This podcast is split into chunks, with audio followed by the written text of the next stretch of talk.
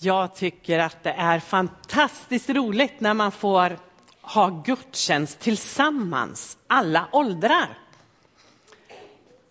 Det är ju kanske inte det allra enklaste. Men eh, det är kanske är därför vi inte har det allt för ofta. Eh, det är bra att vi ibland får vara och få undervisning på vårt eget sätt och, och så. Men när vi får komma tillsammans och ha det liksom hela gudstjänsten tillsammans, då tycker jag i alla fall att det är extra fest. Och den här månaden så har vi ett tema som heter Livet med Jesus. Eh, det är så att vi har en vision i församlingen som vi under hösten här går igenom månad för månad. Och den börjar så här. Vi vill hjälpa människor till livet med Jesus. Och då kan man ju, det, det låter ju väldigt fint. Och om jag då säger att eh, till de flesta av er som sitter här att vad innebär livet med Jesus? Då kommer ni säga, men det är väl självklart. Det är därför vi går till kyrkan. Det är, det är liksom... Men ibland så tror jag faktiskt att vi behöver tänka efter.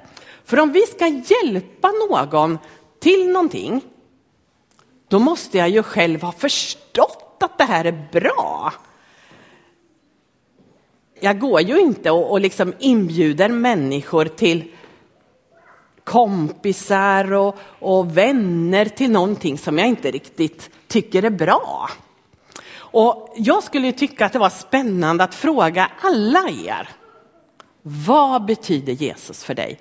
Men jag har ställt frågan till en som har fått tänka till lite grann. Aja, välkommen upp.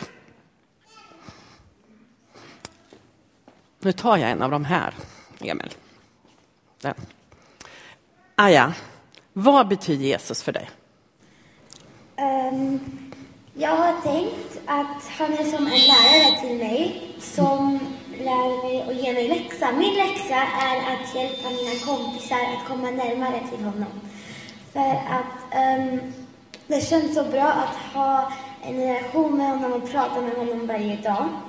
Uh, så jag har tänkt att hjälpa mina kompisar och um, varje helg pratar jag med en av mina vänner om Jesus och vi har typ en gudstjänst som här, men bara vi två. Och um, också Jesus är som en fader. Mm. Uh, han hjälper oss um, med allt som att min pappa gör. Mm. Och uh, han älskar oss så mycket. Mm. Tack Gaia, det var jättebra. Du får gå och sätta dig igen. Ja, fantastiskt. Det fanns en orsak att jag frågade just Aja, därför att i somras så pratade vi lite om det här. Jag kommer ihåg hur hon bad särskilt för att hon skulle få kunna berätta för sina vänner om Jesus. Och då är det klart, då är ju Jesus någonting väldigt bra. Och jag tänkte att vi ska kika lite på det där. Vad är det som händer egentligen Ibland när man har gjort någonting väldigt länge så kan det vara så att man nästan glömmer bort hur det var att inte ha det så. Och ibland tänker jag att jag glömmer ju bort ibland hur det är att leva utan Jesus. Så då får jag tänka till. Och nu tänkte jag, eh, precis, det är bra där Niklas, för jag glömmer bort det där. Han frågade om jag ville sköta den själv, men jag sa att ingen chans, jag tror att du sköter den bättre. Eh, men jag tänker så här, att tillsammans med Jesus så får mitt liv ett sammanhang. Eh, det hittar sin plats på något vis. Från att, att jag liksom lever det på bästa sätt, så när jag kommer till Jesus och lever tillsammans med honom så blir det lite, aha, det var så här det var. Och jag tänkte att vi skulle faktiskt läsa en liten text ifrån Lukas 19. Jag tror att ni som är barn här inne, jag tror att ni har hört den här berättelsen. Och nu har jag slagit upp den här, men så tänker jag nej. bara för att det ska bli riktigt bra nu så tror jag att jag skulle behöva hjälp. Är det några av er som vill komma fram här och hjälpa mig? Eh, jag skulle vilja ha någon som är ganska var inte han här? Jag tänk, hade tänkt ut en som jag skulle fråga, men jag ser att han är ute. Eh, ja, är han utanför eller? Ja, ja. ja, vi ska se om vi kan få in honom där, för jag tror han vore jättebra. Är det några fler som vill komma fram? Tyra, vill du komma fram? Kom, kom och hjälp mig lite. Och, ja, men ni kan väl komma också. Kom, kom lite. Det var så här att Jesus, han skulle komma till staden Jeriko. Och det spreds ett rykte i staden. Jesus kommer hit. Jesus kommer hit. Har ni hört talas om att Jesus ska komma? Ja, vad kul det ska bli. Vi har hört så mycket om Jesus. Han kan göra under. Han kan liksom, oh, undrar om han kommer hem och hälsar på mig. Och så gick människorna och pratade så där. Så så fanns det, ja men titta, så fanns det en liten, en liten man. Har du lust att hjälpa mig lite? En liten man som, som han var lite kort i växten sådär. Men han, han jobbade som tullman här i staden Jeriko. Och nu var det så att om man var tullman, eh, då tittade de andra lite snett på honom. För de fick alltid betala pengar till honom som han gav vidare till dem. Och nu var Sackeus, som han hette, han var lite ledsen för han hade också hört det här att åh, Jesus kommer till stan, men jag vet hur det blir. De andra kommer tränga sig fram och så står jag där och tittar dem i ryggen bara och ser inte Jesus. Och de kommer säkert inte vara så snälla mot mig. Så jag springer i förväg och klättrar upp i trädet här. Nu låtsas vi att du klättrar upp där. Och så så gömde han sig där i trädet. Och så tänkte han, här kommer Jesus säkert förbi. Och då ser jag från ett annat håll. Jag kan liksom se från ett annat perspektiv. Ja, och så kom, kom, ni, ni, är ju på väg för nu ska ni möta Jesus. Och när Jesus börjar komma där liksom in i stan så hej och han blir så välkommen och alla är så med och de tränger sig nära Jesus. Men Jesus han stannar till vid ett stort träd och så tittar han upp och så upp i trädet där får han se Sackeus, har du klättrat upp i trädet? Kom och hoppa ner. Och Sackeus han hoppar ner och kommer ända fram till Jesus. Och när han kommer dit så är det så här att, ja men då säger Jesus något konstigt till Sackeus. Han säger, Sackeus, jag skulle vilja följa med hem till dig. Mm. Tänker Sackeus, hem till mig? Då syns ju allting. Alltså, hemma, undrar om jag städade? Eh, och, alltså när jag satt där uppe i trädet då, då var jag ganska säker. Eh, men om Jesus kommer hem ser han alla mina pengar jag har. Tänk om han inte tycker att att det är bra att jag har så mycket pengar. Eh, tänk om man inte tycker att jag har gjort rätt jämt. Och så börjar Sackeus att tänka. Men Jesus och Sackeus gick hem och de andra de stod och undrade lite varför, varför går han hem till Sackeus? Han gör ju inte rätt. Han är ju egentligen en syndare. och så kom andra och ville också vara med. Men när Sackeus liksom var där nere och hemma där allt syntes vem han var. Där han inte kunde gömma någonting. Och han fick prata med Jesus så där öga mot öga. Då hände någonting med Sackeus. Han började titta på sina pengar på ett annat sätt och han tänkte undra varför jag har samlat ihop alla de där pengarna. Vad ska jag ha dem till egentligen? Och så säger han till Jesus, Jesus, Alltså vet du, hälften av allt det här, det skulle jag kunna ge bort. Och hälften av allt man äger, det är ganska mycket ska jag säga. Ja. Och så tänkte han lite till, för helt plötsligt så var det så här att han var vän med Jesus. Och då började han att titta på saker från ett annat perspektiv. Och så såg han de här andra och så tänkte han, men oj, den där kanske jag tog lite för mycket pengar av. Jesus, när jag har gett bort hälften av det jag äger, då kan jag faktiskt ta och betala tillbaka om jag nu har tagit för mycket av någon av de här. Och så gick han och så fick han se människorna som fanns där på ett nytt sätt. Och han tänkte, men de behöver ju också pengar. Och så delar han med sig. Tack, nu tror jag att ni får sätta er ner igen. Tack för hjälpen. Oh.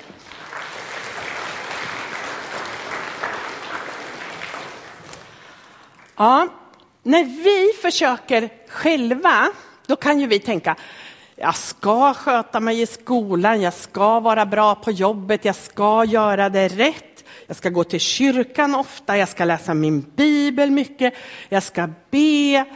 Och så börjar vi att bygga vår egen präktighet, brukar jag kalla det för. Alltså när vi försöker vara duktiga i oss själva.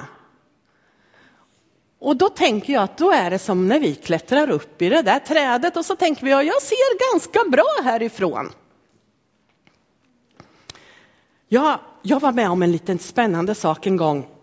Vi har en sommarstuga och mitt emot den här sommarstugan så är det ett högt berg. Och jag tänkte det vore kul att ha lite som ett flygfoto över vårat hus här. Och så klättrade vi upp på det där berget och så tog vi ett kort och det blev jättesnyggt. Men när jag tittade på kortet så upptäckte jag en sak. Att fast jag tyckte att jag fick ett annat perspektiv och såg så bra ner så var ett hus borta. Det fanns inte med på kortet. Jag tänkte, hur kan ett helt... Det var vårt stora uthus som är nästan lika stort som det andra huset. Och där vet ni, där finns det hur mycket resurser och möjligheter som helst. Det finns gräsklippare och det finns redskap, det finns trädgårdsmöbler och det finns spadar och det finns ett litet handfat man kan plocka fram och det finns, ja det finns hur mycket som helst i det där huset. Och på det här kortet syntes inte det ens en gång. Och då tänkte jag, ja så där blir det när vi försöker liksom att se från annat perspektiv. Vi kan ju anstränga oss och titta och tänka, ja vi ska allt se nu och vara lite snälla mot varandra här och så. Men då ser vi egentligen kanske ganska mycket omöjligheter. För vi ser inte det där stora förrådshuset. Där, där liksom Gud har förberett för oss allt han vill ge oss. Men när Gud ser, han har inte bara ett litet fuskberg och tittar på, han ser ju liksom ovanifrån och han har alla de här möjligheterna att ge till oss. Så när jag tänker, det där kommer inte jag klara av. Så säger han, det är för att du inte ser förrådshuset, säger han. Det var så här att det stod ett jättestort träd. Och när vi tog det där kortet så hamnade Ja, jag förstår det fortfarande inte, men det hamnar där bakom trädet och syns inte när man tar upp från berget. Och så där blir det i våra liv, hur vi än anstränger oss att liksom se saker på rätt sätt. Nej, vi måste bli som Sackeus, vi måste hoppa ner och komma liksom där vi bara är oss själva och inte försöker att vara så duktiga. Och där så kommer Jesus och säger, nu kan jag hjälpa dig. Ja. Och när vi är så där nära Jesus, då börjar vi att tänka, istället för att tänka, vad är det jag behöver nu då? Vad ska jag skaffa mig nu? Så kanske jag börjar tänka, vad är det jag inte behöver av det här? Och så blir det helt plötsligt lätt att dela med sig. Om man har fått en stor godispåse, har ni någon gång hört talas om att att mamma eller pappa säger, ja, nu får ni dela med er. Har ni hört det någon gång? Ja, är det kul att dela med sig? Nej, det är ju inte det jämt alltså. Och så skärper man till sig och så, och så gör man det ändå. Men om jag förstår att mamma och pappa de kan ju köpa nytt godis nästa dag, det är ju liksom, det är inga problem för dem. Så inser jag ju att det gör ju inget om jag delar med mig. Jag får ju en ny påse kanske då. då. Ja. ja, istället för att börja se, ja, nu finns det nog inte mer här i livet att få. det finns nu inget i kyrkan att få. Så kanske jag kan börja tänka, vad kan jag ge? Och då händer någonting med mig. Ja, det är så här att livet, när jag utgår ifrån mig själv, så blir det, nu ska vi se om ni är bra på matte här, för jag har skrivit ett tal. När vi tänker begränsade utifrån oss själva, då är det så här, nu tror jag att någon måste komma fram till mig. Vill du komma fram? Vågar du? Någon av er? Nej, ni behöver inte om ni inte vill. Jag kan hitta. Vill du komma fram? Vill du? Nej, nej. Jag ska se då, om jag kan hitta någon då. Kan du komma fram? Ja, ja, bra, kom, kom. Om jag tänker så här att jag har ett fint äpple. Och så tänker jag, åh vad jag är sugen på det här äpplet. Vore gott att bara bita tag i det. Men han ser också ganska sugen ut. Oj. Så ger jag äpplet till honom. Ja. Det blev inget kvar. Ett minus ett. Det blir noll. Men då har vi glömt bort en sak. Alltså, det är ju så här att när vi, när vi har någonting och ger, ser ni att det blir som ett minustecken här då va? Ja, det försvinner saker ifrån mig. Men nu är det så här att Jesus har sagt att ge så ska ni få. Att jag vill att ni ska dela med er. Så nu tar vi nästa bild och så försöker vi igen. För då är det så här att han kommer liksom ovanifrån och gör om det där minustecknet till ett plus. Så när jag ger så säger han, vad bra, du får också. Och så plötsligt så blev det inte ett äpple utan det blev två och det räckte till oss vidare. Och, och han är inte så snål så han ger mer. Så om det är någon mer som är sugen på ett äpple så kom och ta en tugga vet jag. Jag har inte massor men jag har några så blir ni sugna så kan ni väl, väl ta. För Gud han, alltså när vi räknar med honom i våra liv så blir det inte svårt att ge bort. Så om du skulle ge så skulle du ju få ett nytt av mig är klart. Så att det, det lönar sig. Men då måste vi ju ha med Jesus i våra liv. Ja, säger du, fast alla människor, även de som inte räknar med Jesus, de blir faktiskt välsignade av att, att eh, ge. Ja, för Gud välsignar alla människor som vill vara med och dela med sig. Så är det. Tack, Holger. Nu får du sätta dig och få ta med äpplet. Ja. Ja. ja. Nu tänkte jag att vi skulle gå till en bibeltext till innan jag slutar här alltså. Det står i Markus 10 och 13.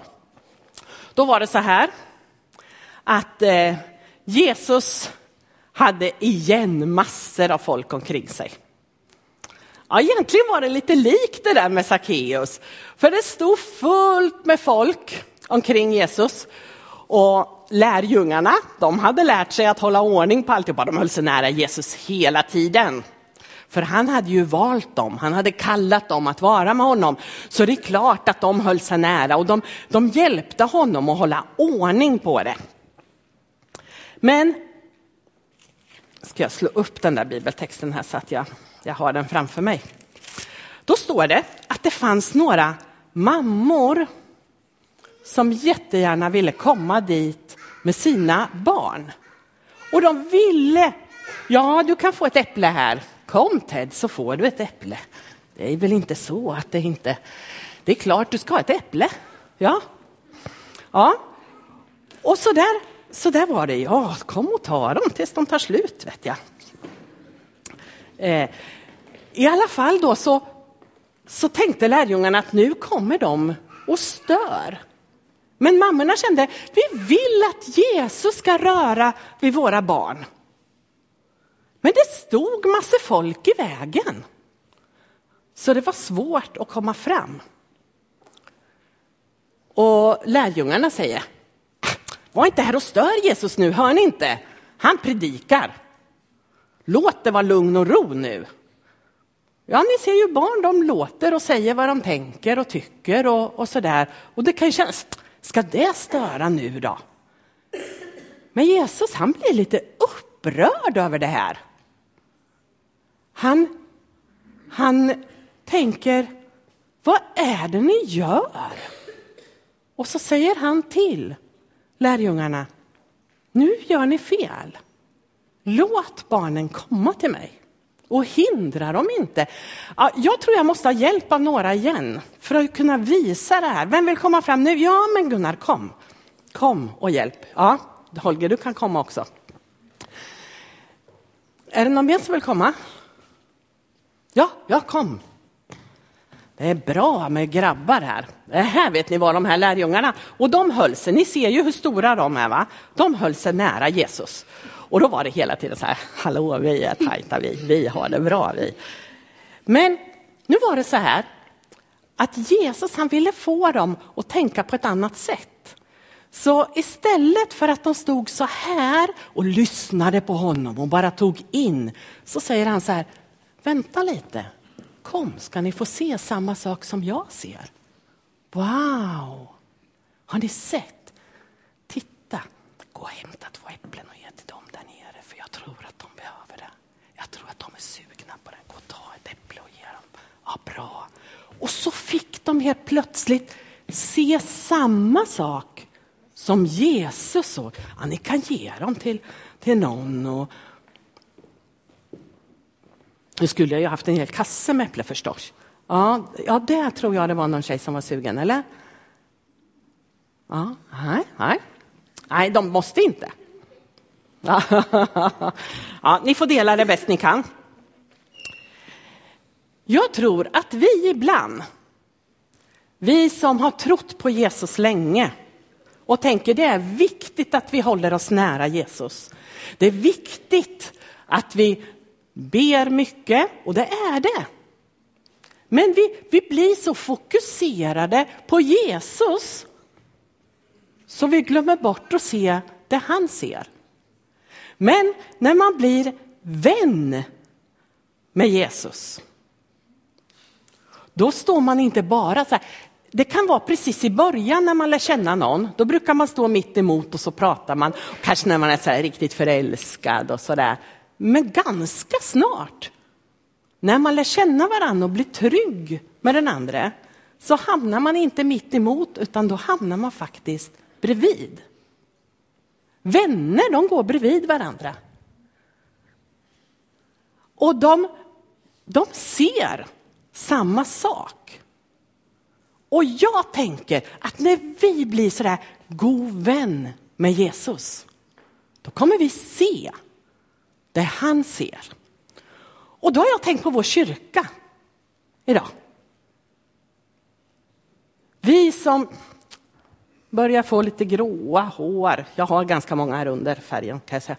Eh, så ni vet, sådär, man känner det här kan jag, det är viktigt och, och jag blir mån om min egen tro. Så att jag faktiskt glömmer bort att se nästa generation. Och jag är säker på att en femåring kan få betyda någonting för en treåring i sin tro. När du är... Hur gammal är du Tyra? Sju är du. Ja. När man är sju år, då kan man få vara ett föredöme för någon som är några år yngre. Och så kan jag få vara med och öppna vägen. Istället för att bygga murar kan jag få vara med och öppna vägen till Jesus. När man är tio så kan man betyda någonting för den som är sju. När man är 15 kan man få betyda något för den som är 10. När de ser att jag är med och lovsjunger och tillber Jesus så börjar de säga wow, som den vill jag också bli. Så du är viktig. Och det här fortsätter. Du som är 20. Titta på den som är 15. Vad kan du få betyda för den? Och ni förstår ju att jag inte tänker stanna här. Du som är 30, har du någon 20-åring som du skulle vilja spana på just nu och tänka, den ska jag be för.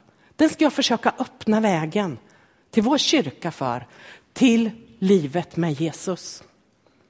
Du som är 40, Du har betydelse. Det du gör, dina val, påverkar de som kommer efter dig. Naturligtvis påverkar det dina barn, men ibland tror jag att det räcker att vi tänker bara ett steg. Tänk när sjuåringen får leda femåringen fram till Jesus. Tänk när 70-åringen får leda 60-åringen fram till ett rikare liv och får säga du, du behöver inte oroa dig, det är inte farligt att bli pensionär. Du förstår, det här kan man göra istället. Det här nu kan vi engagera oss, du behöver inte känna så där att det blir jobbigt att sluta jobba nu. Jag ska hjälpa dig, jag ska be för dig.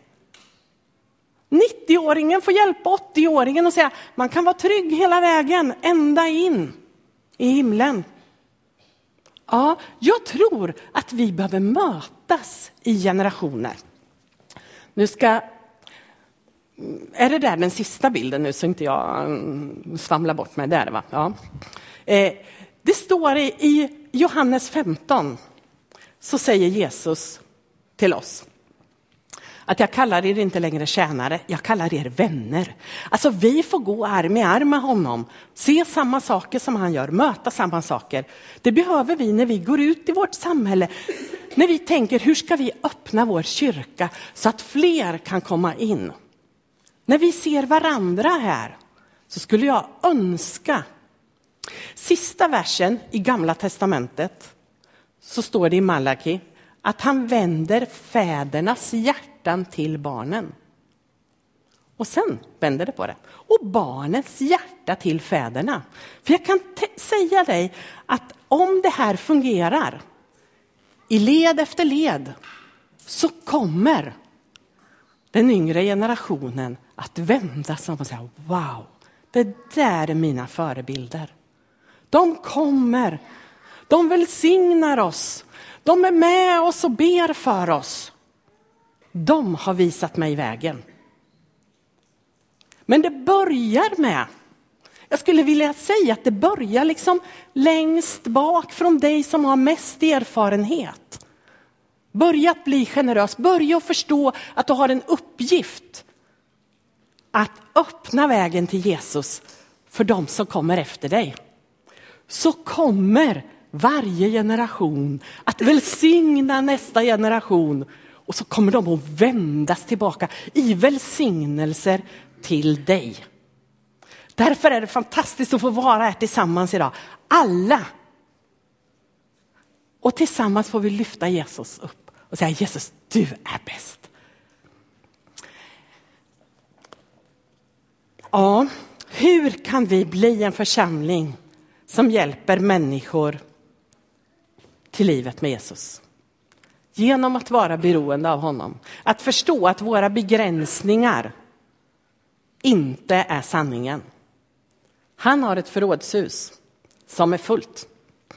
Så fort du delar med dig, så fort du ger, så fort du är med och välsignar så kommer du själv att få tillbaka. Han kommer aldrig att vara dig skyldig någonting. Genom att vara beroende av honom och att vara hans vän att se samma saker som han gör, se åt samma håll som han gör. Blir jag förändrad av att vara tillsammans med Jesus? Ja, det är klart jag blir. Men hur är jag tillsammans med Jesus då? Alltså det är ju inte så lätt, vi ser honom ju inte här. Har ni något förslag? Hur är man tillsammans med Jesus?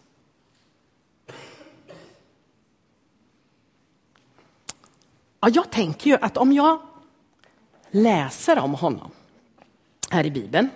Det finns fyra evangelier som bara berättar om Jesus.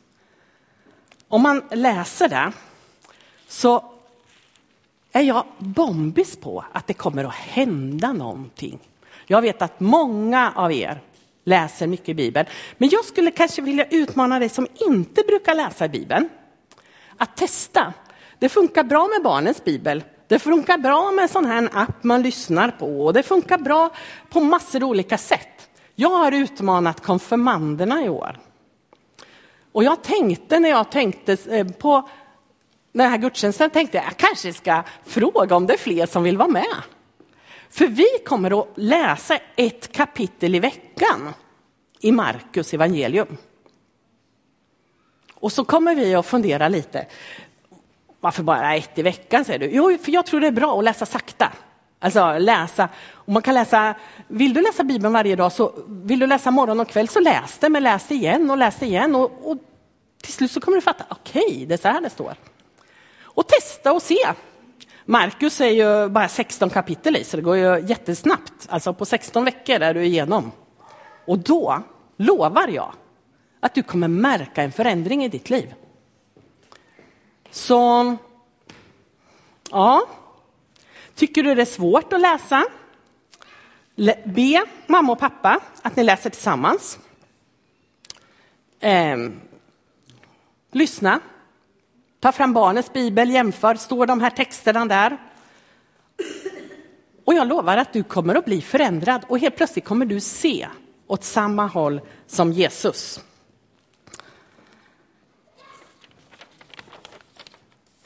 Min bön för idag har varit att vi ska få se Jesus på ett nytt sätt, men inte bara se honom, utan se det han ser. Så att vi börjar att se varandra, upptäcka varandra. Och nu ska vi sjunga en sång och efter det så ska vi få vara med och välsigna varandra och be för varandra. Men välkomna fram.